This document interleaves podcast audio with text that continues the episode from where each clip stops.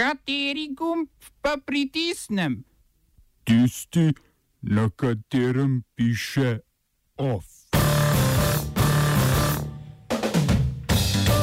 V drugem krogu porazi aktualnih županov v mestnih občinah.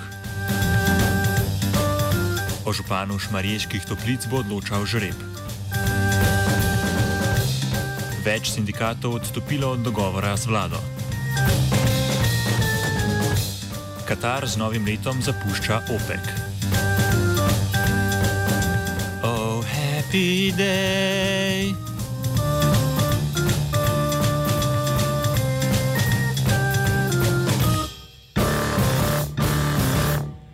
Zjutraj ob 5 in 13 minut so se izmografi državne mreže potresnih opazovalnic zabeležili potres magnitude 1,8 v bližini Radeč, 45 km vzhodno od Ljubljane. Po prvih podatkih so potres čutili posamezni prebivalci ožjega nadžarišnega območja, intenziteta potresa pa naj ne bi presegla tretje stopnje po evropski potresni lestvici. Potres je v Radečah prekinil sicer mirno noč, saj tam za razliko od 56 ostalih občin v Sloveniji ni bilo treba izvesti drugega kroga volitev za župana. Aktualni župan in edini kandidat Tomaš Režun je zmagal s, s 1627 glasovi za, neveljavnih glasovnic je bilo 130.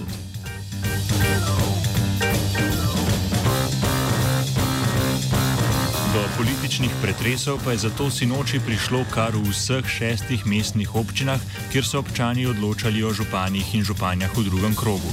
Saj v nobeni ni zmagal trenutni župan.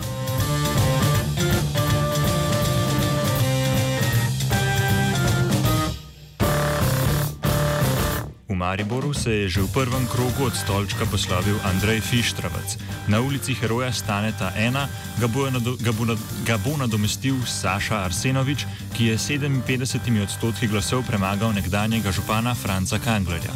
Nedaleč stran na Ptuju je Nuška Gajšek s podporo socialnih demokratov prepričljivo premagala trenutnega župana Štefana Čelana. V Slovengracu je bila razlika neprimerljivo manjša.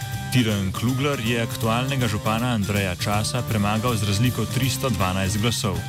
V Novi Gorici bo Andreja Arčona na mestu župana nadomestil Klemen Miklavčič, novi župan Kranja je Matjaž Rakovec, v Kopru pa bodo očitno dočakali spremembo na čelu občine po 16 letih.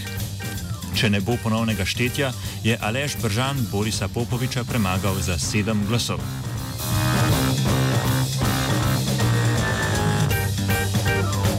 Še vedno neuradnih podatkih pa se najtesnejši izid volitev obeta v občini Šmariješke toplice. Oba kandidata, Marjan Hribar in Benetka Kr Be Bernardka Krnc, pardon, sta dobila na tanko 1016 glasov, kar pomeni, da bo zmagovalca ali zmagovalko prvič v zgodovini Slovenije določil volilni žreb. Za detaljnejšo analizo volilnih izidov prisluhnite nočnemu programu izvedbi Radia Student, Mariborskega radia Student in neodvisnega obalnega radia, ki je v etru potekal sinoči oziroma zgodaj zjutraj. Ali vas, radio marš.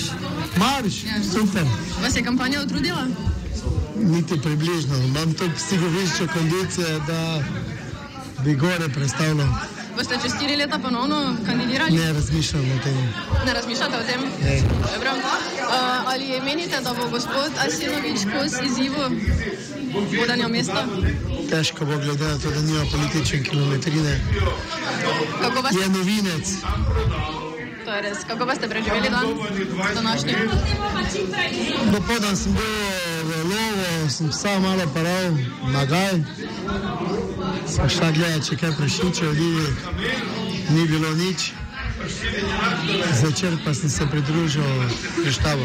Nad rezultati pa ste razočarani ali presenečeni? Nisem razočaran, niti ne presenečen. Tu nekje vem, da so se gibali, ampak volja ljudstva je potrebno spoštovati. Je sinoči poraz komentiral Franz Kangler. Povezavo do celotnega nočnega programa lahko najdete na prvi strani radiostudent.si in na strani tega prispevka.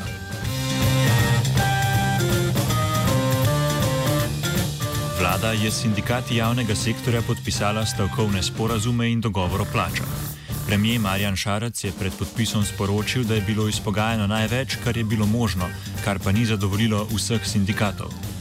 Kot zadnji so od dogovora odstopili tudi predstavniki sindikata delavcev v pravosodju in hkrati sporočili, da vladi dajo tri mesece za izboljšanje ponudbe.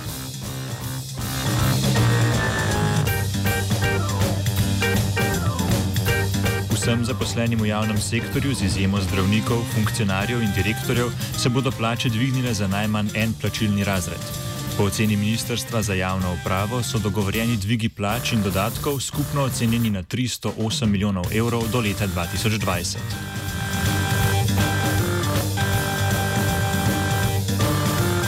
Na tuje. Po še tretjem vikendu protestov in izgredov tako imenovanih rumenih jopičev v Parizu je francoski predsednik Emmanuel Macron naročil premijeju Erdoaru Filipu naj vzpostavi stik in začne pogovore s protestniki. Nezadovoljstvo, ki je pognalo rumene jopiče na ulice, je sprožilo zvišanje obdavčitve pogonskih goriv, ki jih vlada dojema kot okoljski ukrep, protestniki pa kot zgolj še en ukrep, ki bo najbolj prizadel najšipkejše. Več o rumenih jopičih v offsajdu čez dve uri na 89,3 MHz.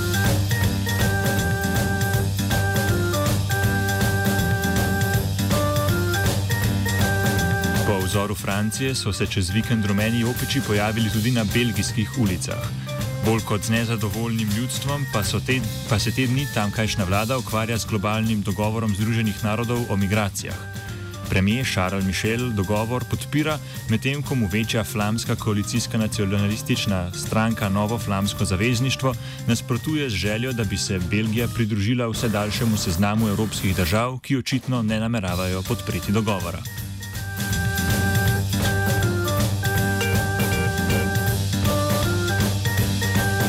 Katarski ministr za energetiko Sad Al-Kabi je sporočil, da bo Katar z novim letom zapustil organizacijo držav izvoznic nafte OPEC.